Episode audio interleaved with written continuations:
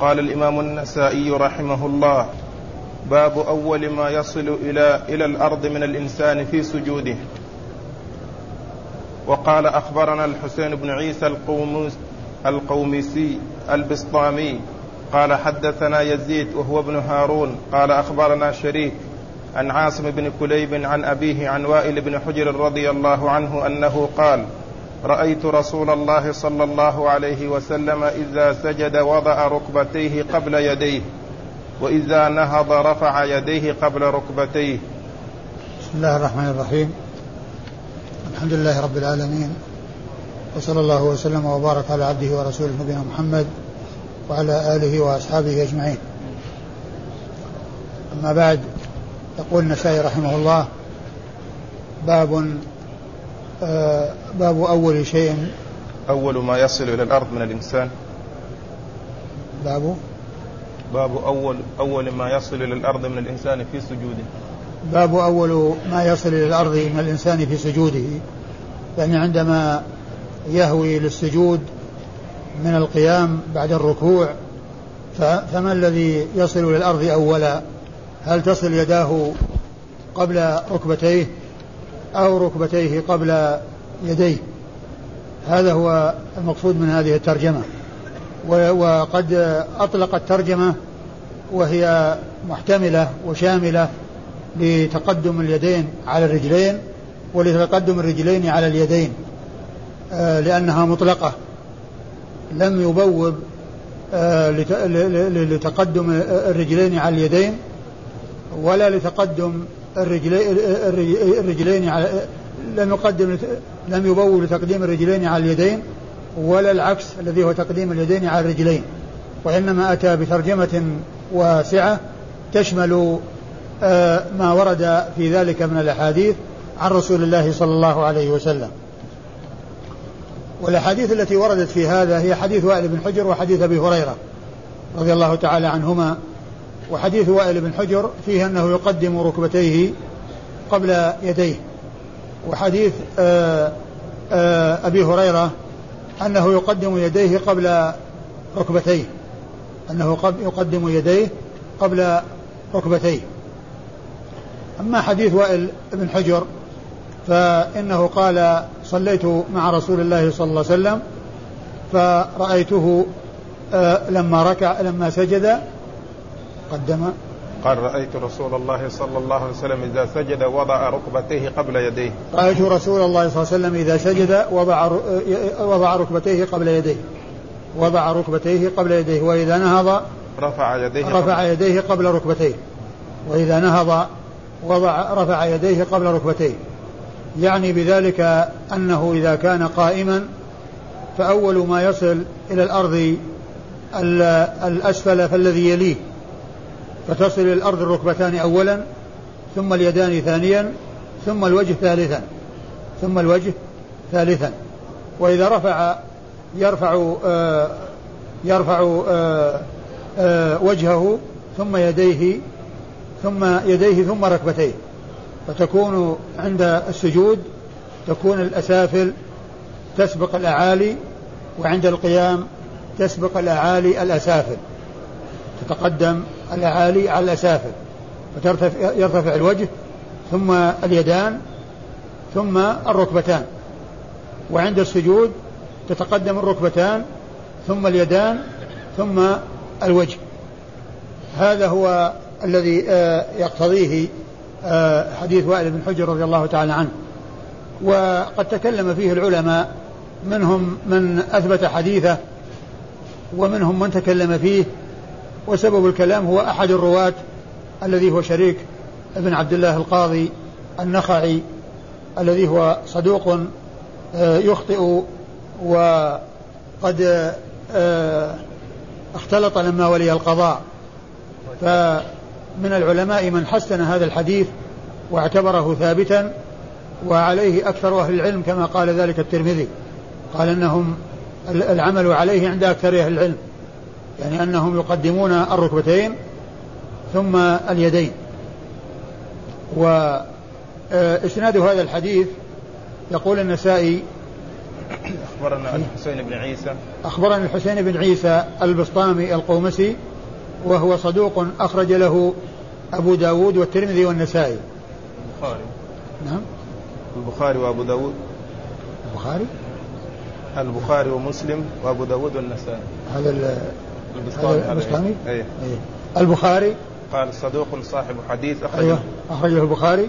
ومسلم وأبو داود والنسائي. أبو البخاري ومسلم وأبو داود والنسائي. نعم. البخاري ومسلم وأبو داود والنسائي.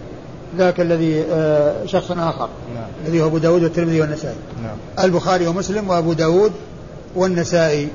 خرجوا حديث آه، الحسين بن عيسى. حسين آه، حسين بن عيسى البسطامي القومسي أيوه. قال حدثنا يزيد. قال حدثني يزيد وهو بن هارون. وهو بن هارون الواسطي وهو ثقة ثبت أخرج حديثه أصحاب الكتب الستة. أخرج حديثه أصحاب الكتب الستة.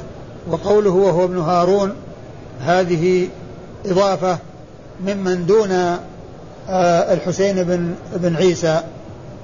ممن دون تلميذه الحسين بن عيسى أي من النسائي أو ممن دونه. الحسين بن؟ نعم. بن عيسى؟ نعم. نعم. الحسين بن عيسى يعني من من من دون تلميذه. إما النسائي وإما من دون النسائي. هم الذين أتوا بهذه الإضافة. وأتوا بكلمة هو أو هو لأن للإشارة إلى أنها ليست من التلميذ. وأن التلميذ اقتصر على كلمة يزيد ولم يضيف إليها شيئا. لكن من دون آه تلميذه والذي هو الحسين بن عيسى هو الذي أتى بهذه الزيادة لكن أتى بهذا اللفظ الذي هو حتى يتبين أنها ليست من التلميذ وإنما هي ممن دون التلميذ إما من النسائي أو ممن دون النسائي وقد عرفنا فيما مضى أن من دون النسائي يكون له إضافات من هذا القبيل ويتضح ذلك بذكر إضافة إلى شيوخ النسائي مثل ما مر بنا قريبا أخبرنا عمرو بن منصور يعني النسائي فإن الذي قال يعني النسائي هو من دون النسائي. وعلى هذا فالذي زاد هو بن هارون النسائي أو من دون النسائي. النسائي أو من دون النسائي. وحديثه أخرجه أصحاب الكتب الستة الذي هو يزيد بن هارون. عن؟ شريك. عن شريك بن عبد الله النخعي الكوفي القاضي وهو صدوق قال عنه الحافظ في التقريب صدوق يخطئ كثيرا واختلط لما ولي القضاء. تغير حفظه. وتغير حفظه تغير حفظه لما ولي القضاء. وكان شديدا على أهل البدع. وحديثه أخرجه البخاري تعليقا ومسلم وأصحاب السنن الأربعة. عن عاصم بن كليب. عن عاصم ابن كليب ابن شهاب الجرمي الكوفي وهو صدوق أخرج له البخاري في رفع اليدين وأصحاب السنة الأربعة. عندي البخاري تعليقا ومسلم الأربعة. البخاري تعليقا؟ نعم. إذا هو غيره. نعم. البخاري تعليقا ومسلم وأصحاب السنة الأربعة. يعني مثل مثل شريك. شريك بن عبد الله القاضي. نعم. شريك بن عبد الله القاضي مثله آه عاصم آه عاصم بن كليب. آه أخرج له البخاري صدوقا أخرج له البخاري تعليقا ومسلم. وأصحاب السنة الأربعة. يعني مثل شريك القاضي. عن عن- أبيه. عن أبيه كليب بن هشام. كليب بن هشام. بن شهاب. نعم كليب بن هشام بن شهاب وهو صدوق أخرج له البخاري في رفع اليدين. آه، البخاري في رفع اليدين وأصحاب السنن الأربعة. البخاري في رفع اليدين وأصحاب السنن الأربعة. عن وائل. عن وائل بن حجر الحضرمي صاحب رسول الله صلى الله عليه وسلم وهو صحابي مشهور. وحديثه عند البخاري في جزء القراءة وعند مسلم وأصحاب السنن الأربعة. قال أخبرنا قتيبة قال حدثنا عبد الله بن نافع عن محمد بن عبد الله بن حسن عن أبي الزناد عن الأعرج عن أبي هريرة رضي الله عنه أنه قال قال رسول الله صلى الله عليه وسلم يعمد أحدكم في صلاته فيبرك كما يبرك الجمل. ثم أورد النسائي حديث آه، أبي هريرة رضي الله عنه أن النبي صلى الله عليه وسلم قال يعمد والمراد به أنه استفهام إنكار آه، يعني آه، ليس فيه ليس فيه الهمزة. وقد يأتي يعني في الاستفهام يعني الاستفهام بدون الهمزة فإنها تأتي وتحذف. المقصود هنا الإنكار. أيعمد أحدكم فيبرك في صلاته فيبرك كما يبرك الجمل. أيعمد أحدكم في صلاته فيبرك كما يبرك الجمل؟ وهذا لفظ مطلق.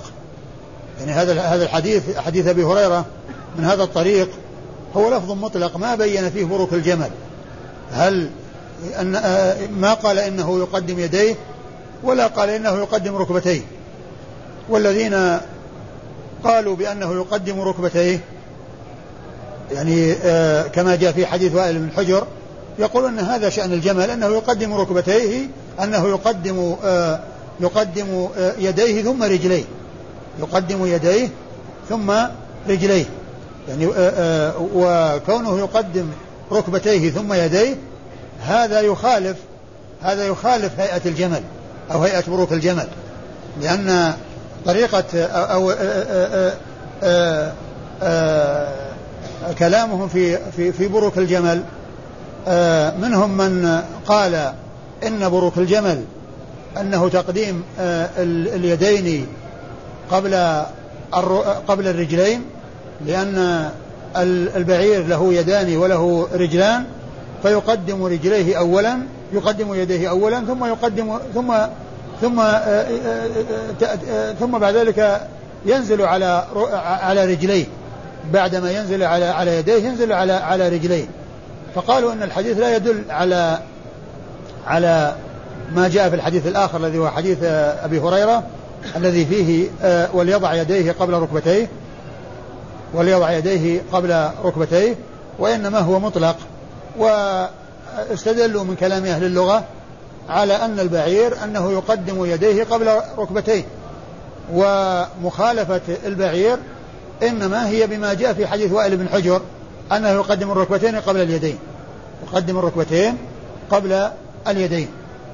قالوا وفعل وما جاء في حديث وائل بن حجر يعني يخالف هيئة البعير لا في النزول ولا في القيام. لأن البعير عندما ينزل يقدم يديه ثم رجليه. وعندما يقوم يرفع رجليه ثم يديه. يرفع رجليه ثم يديه. والذي جاء في حديث وائل بن حجر يخالف هذه الهيئة. الذي جاء في حديث وائل بن حجر يخالف هذه الآية عند النزول وعند القيام. وهو عند النزول يقدم الركبتين فلا يقدم اليدين بخلاف الجمل وعند القيام يرفع اليدين يرفع اللي هو المصلي يرفع اليدين ثم يرفع الركبتين. والجمل يرفع الرجلين أولا ثم يرفع اليدين. يرفع الرجلين أولا ثم يرفع اليدين وجاء وجاء حديث وائل بن حجر على خلاف هذه الآيات قالوا فالحديث لا يدل على تقديم اليدين على الركبتين لا يدل على تقديم اليدين على الركبتين وإنما هو مطلق آه، وغير آه، معين فيه التقديم والتأخير. آه، وحديث أبي هريرة من الطريقة الثانية التي فيها الدراوردي فيها أنه أضاف إلى كون لا يبرك كما يبرك البعير قال وليضع يديه قبل ركبتيه. و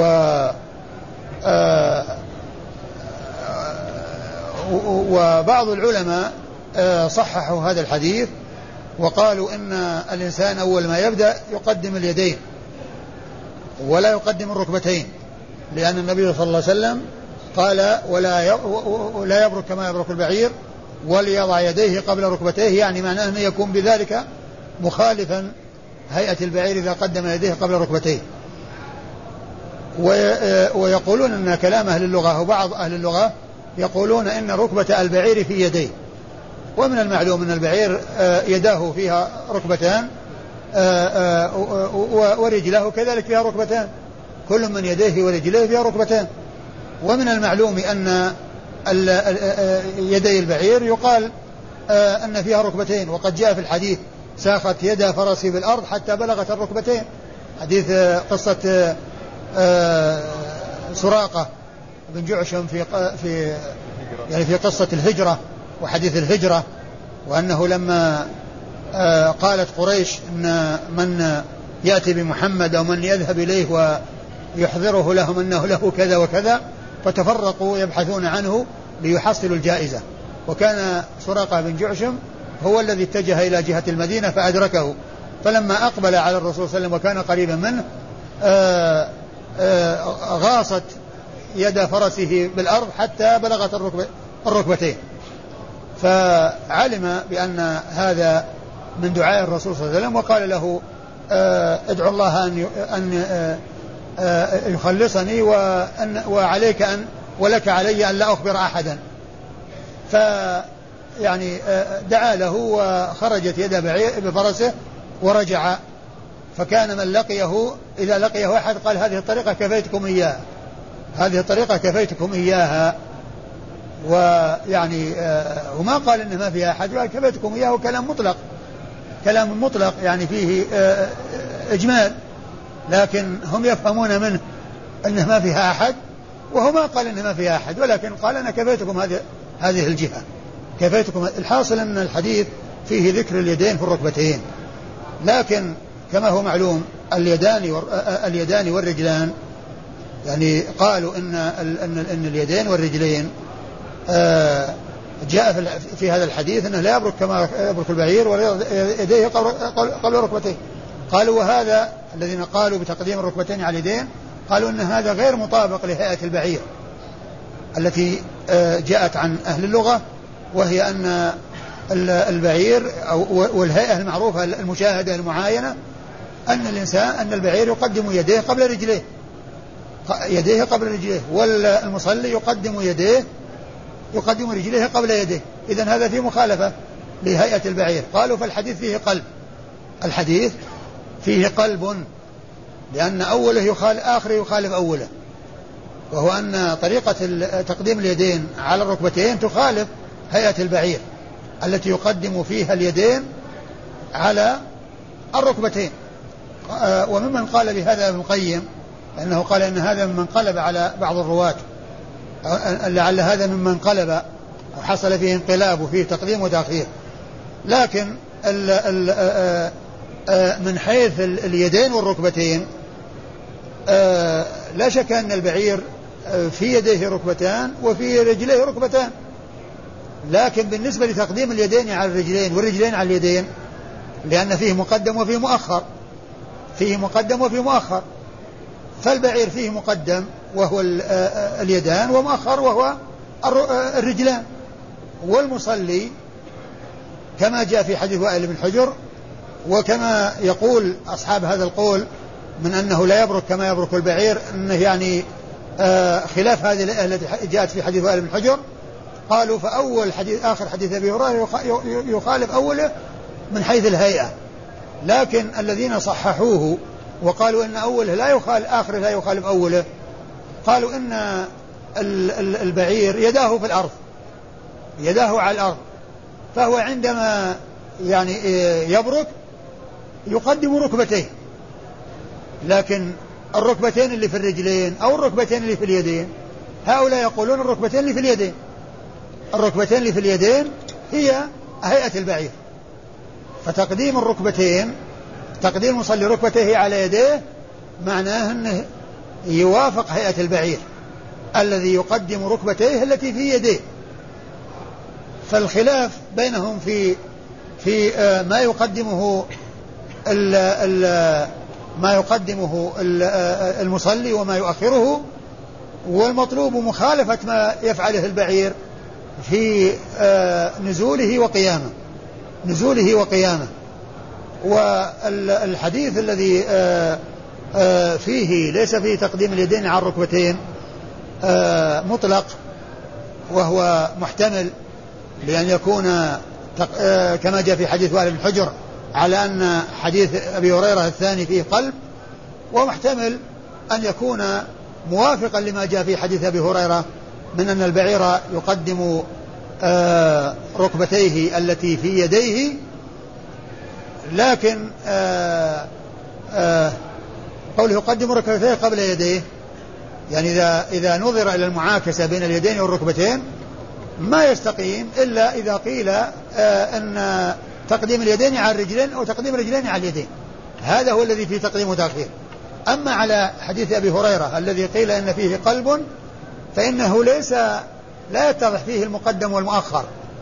يضع يديه يضع يديه آه، قبل ركبتيه البعير هيئته أنه يقدم ركبتيه التي في يديه. ركبتيه الذي في يديه. لكن ما فيه يعني شيء مقدم ومؤخر يعني على على هذا على على, على هذا المعنى. لأن معناه في شيء مقدم وهو تقديم الركبتين والركبتين اللي في اليدين. الركبتين اللي في اليدين. فصار فيه إشكال من حيث يعني فهم يعني المعنى وهل آه، حديث أبي هريرة فيه قلب أو ليس فيه قلب والذين صححوه قالوا ان ما فيه قلب وأن هذه الهيئة هي الهيئة الصحيحة وأن البعير يقدم آه، آه، ركبتيه التي في يديه وإذا قد والحديث جاء فيه الأمر بتقديم اليدين على الركبتين فيكون حديث أبي هريرة يقتضي أن المصلي يقدم يديه قبل ركبتيه يقدم يديه قبل ركبتيه. والذين تكلموا في حديث أبي هريرة أعلوه من حيث المتن بالاضطراب بالقلب أو احتمال القلب ومن ومن جهة المتن بعبد العزيز بن محمد الدراوردي. عبد العزيز بن محمد الدراوردي الذي فيه خرج له أصحاب الكتب الستة وفيه كلام من جهة روايته إذا روى من كتابه وإذا روى من آه، من حفظه أو من كتب غيره. فقالوا أن أن أن أن, أن, أن فيه تفصيل. ومنهم من ضعفه مطلقا ومنهم من وثقه مطلقا ومنهم من فصل. والقول بالتفصيل يتوقف على معرفة هل الحديث مما حدث فيه من كتابه أو أنه من غير كتابه فيكون الأمر محتملا. وعلى هذا فيكون آه، حديث أبي هريرة يعني من حيث الإسناد فيه احتمال وحديث شريك وحديث آه، وائل بن حجر أيضا فيه احتمال فمنهم من قدم حديث شريك ومنهم من قدم حديث عبد العزيز بن محمد الدراوردي وحصل الخلاف بين العلماء على هذين القولين وأكثر أهل العلم على القول الأول وهناك قول ثالث أنه يقدم اليدين أو يقدم الركبتين. يعني إن قدم هذا أو قدم هذا. وممن قال بهذا السندي المعلق صاحب الحاشية فقال إن النهي محمول على التنزيه وأن الفعل الذي هو تقديم اليدين تقديم الركبتين على اليدين يدل يعني على أن ذلك سائغ.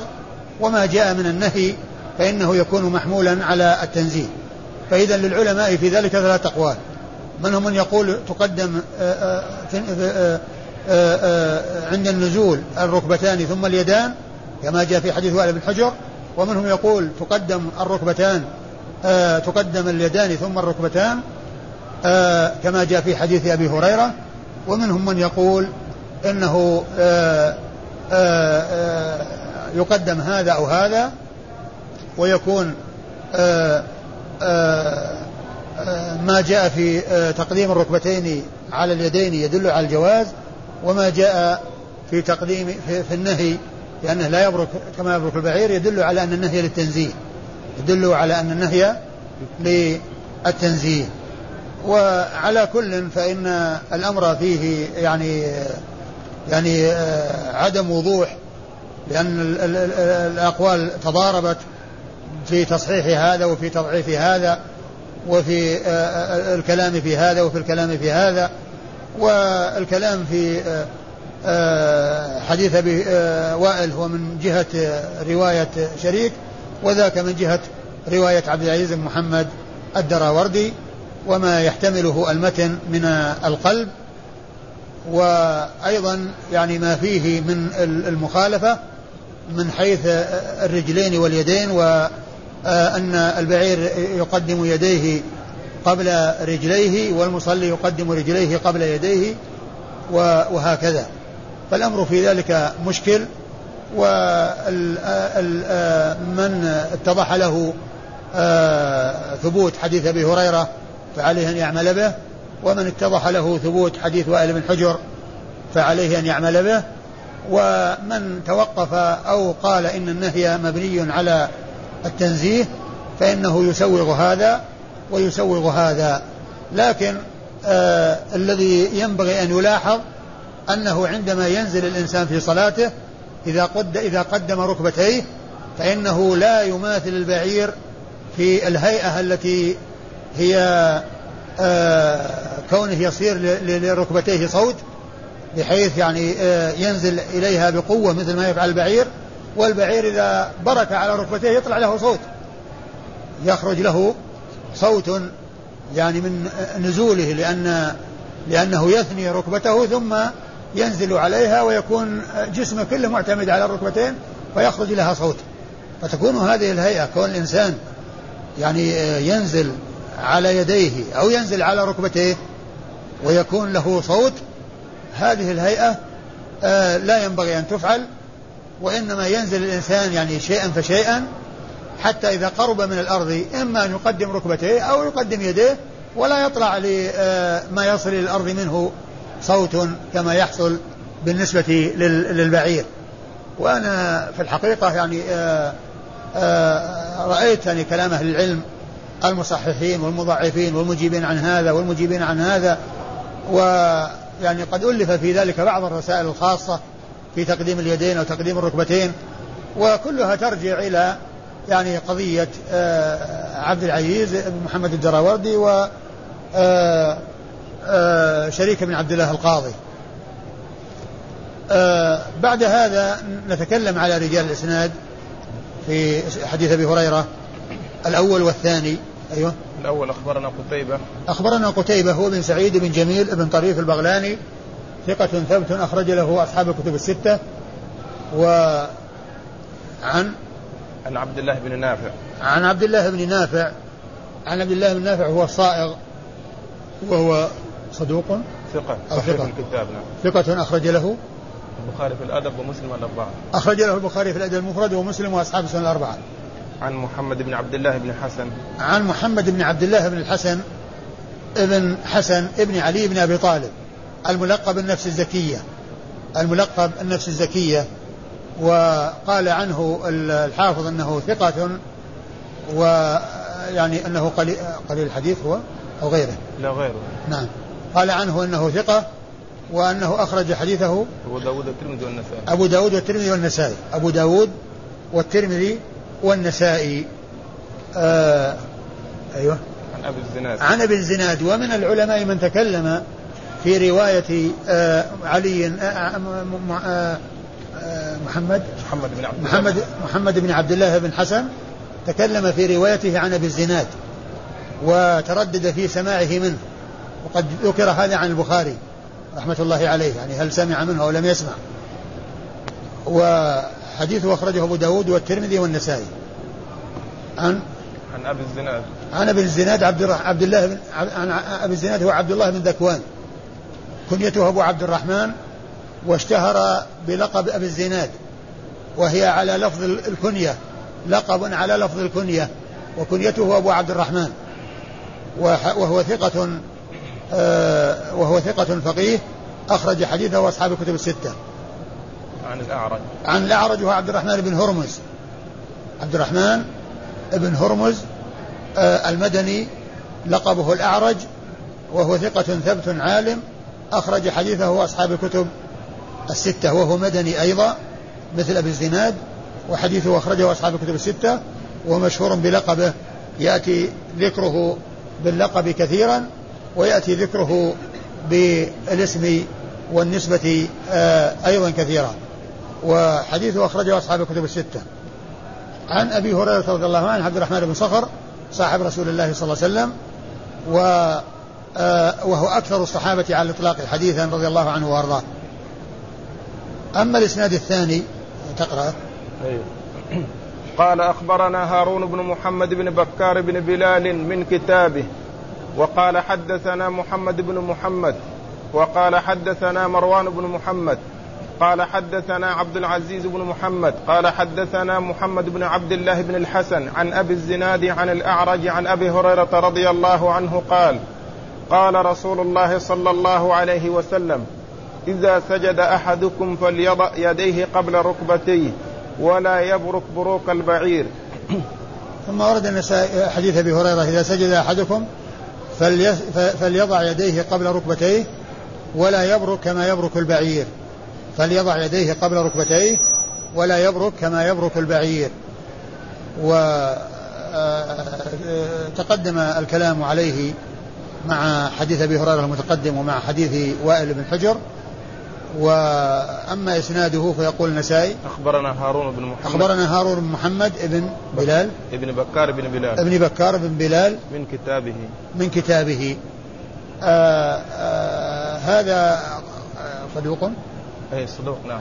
صدوق أخرج له أبو داود النسائي نعم. وهو صدوق أخرج له أبو داود النسائي وقوله من كتابه يعني معناه أنه حدثهم من كتابه. حدثهم من كتابه يعني وليس من حفظه. أيوه. حدثنا مروان بن محمد. حدثنا مروان بن محمد. مروان بن محمد. نعم. أيوه. وهو الطاطري هذا. الكوفي؟ نعم. ثقة روى له الجماعة سوى البخاري. نعم. الكوفي هو ليش؟ لا الدمشقي. الدمشقي نعم. الأسد الدمشقي. وذاك أيضا دمشقي اللي هو قبله. الذي هو يعني هارون بن محمد. شيخ النسائي اسمه؟ هارون بن محمد. هارون بن محمد. هارون بن محمد هذا أيضا دمشقي. نعم. وهذا أيضا دمشقي. مروان بن محمد الدمشقي وهو صدوق. وهو ثقة. وهو ثقة أخرج له. هو في نسخة التبريق التقريب في خطأ. يقول يعني مسلم في المقدمة لكن عندما رجعت تهذيب الكمال مسلم والأربعة. مسلم والأربعة؟ إيه. بدون ذكر المقدمة؟ لا. ها؟ إيه. لكن في نسخة التقريب هذا المصرية فيها لكن التهذيب قال آه، تهذيب الكمال. أيوة. قال مسلم؟ الجماعة سوى البخاري. أي نعم.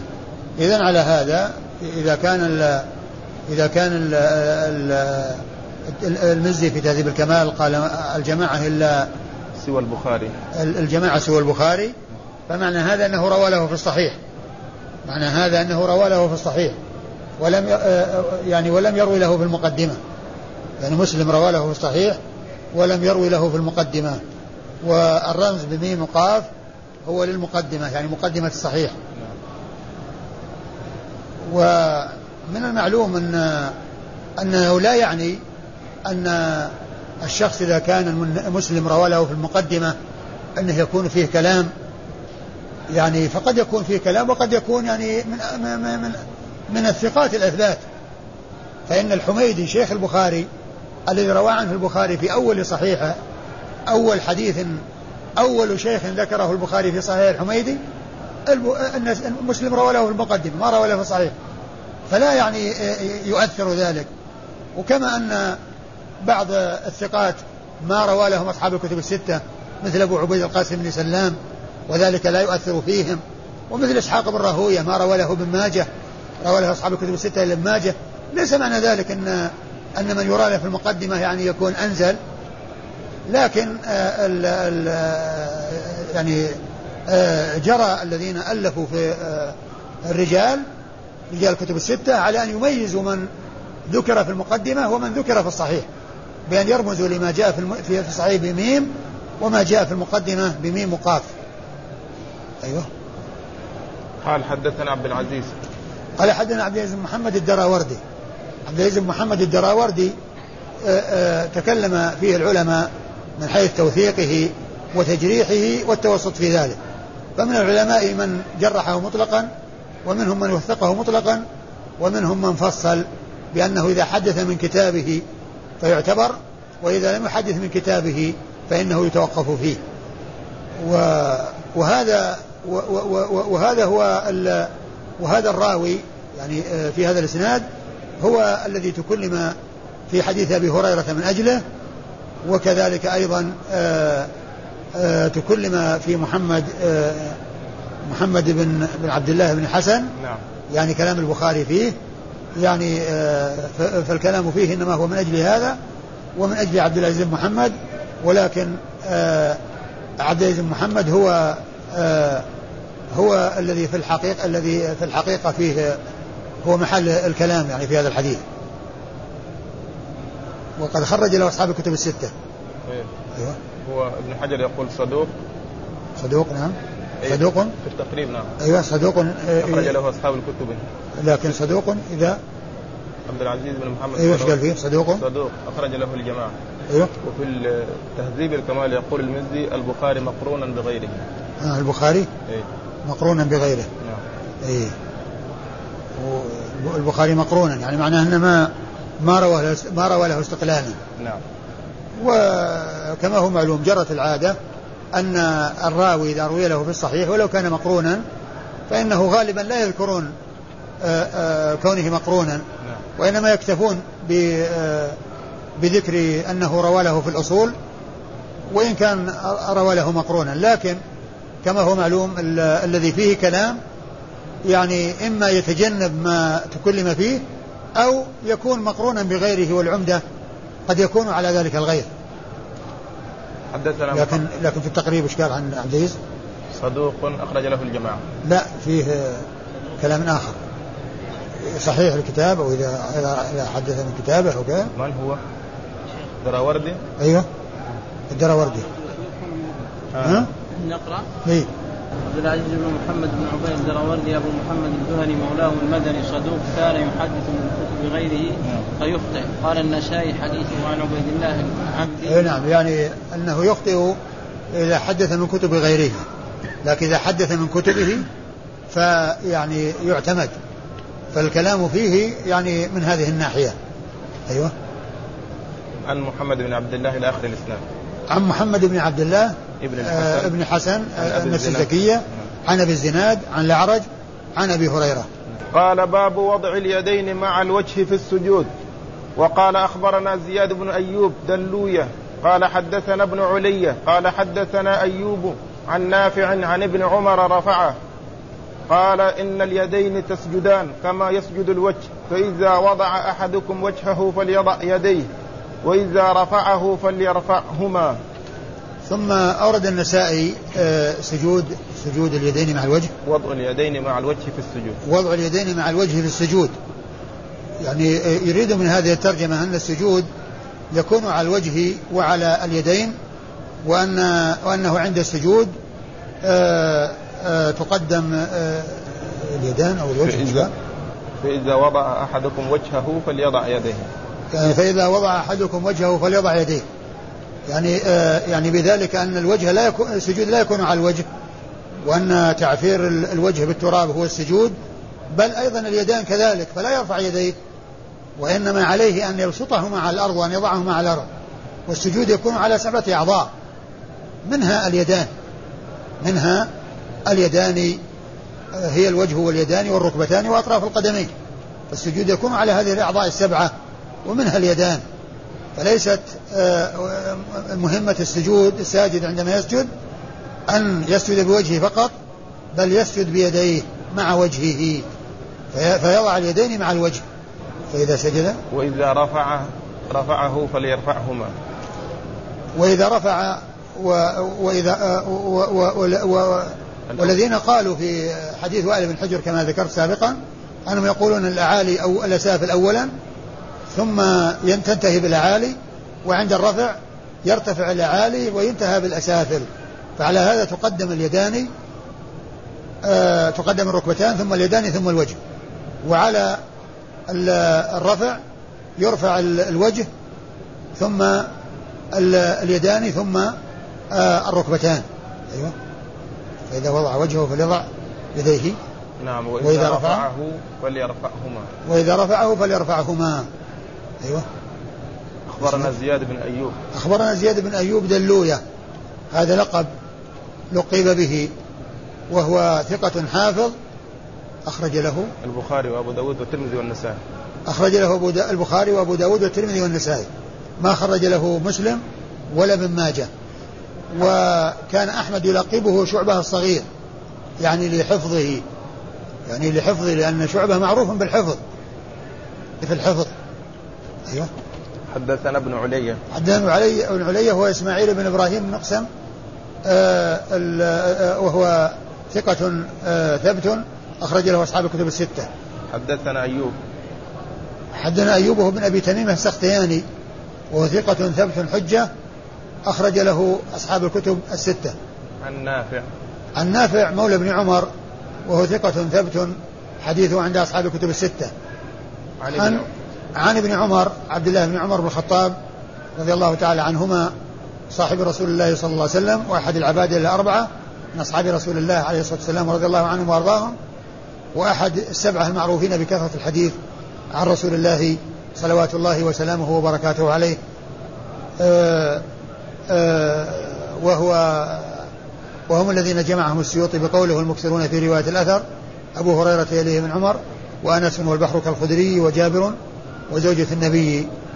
والله تعالى أعلم وصلى الله وسلم وبارك على عبده ورسوله نبينا محمد وعلى آله وأصحابه أجمعين.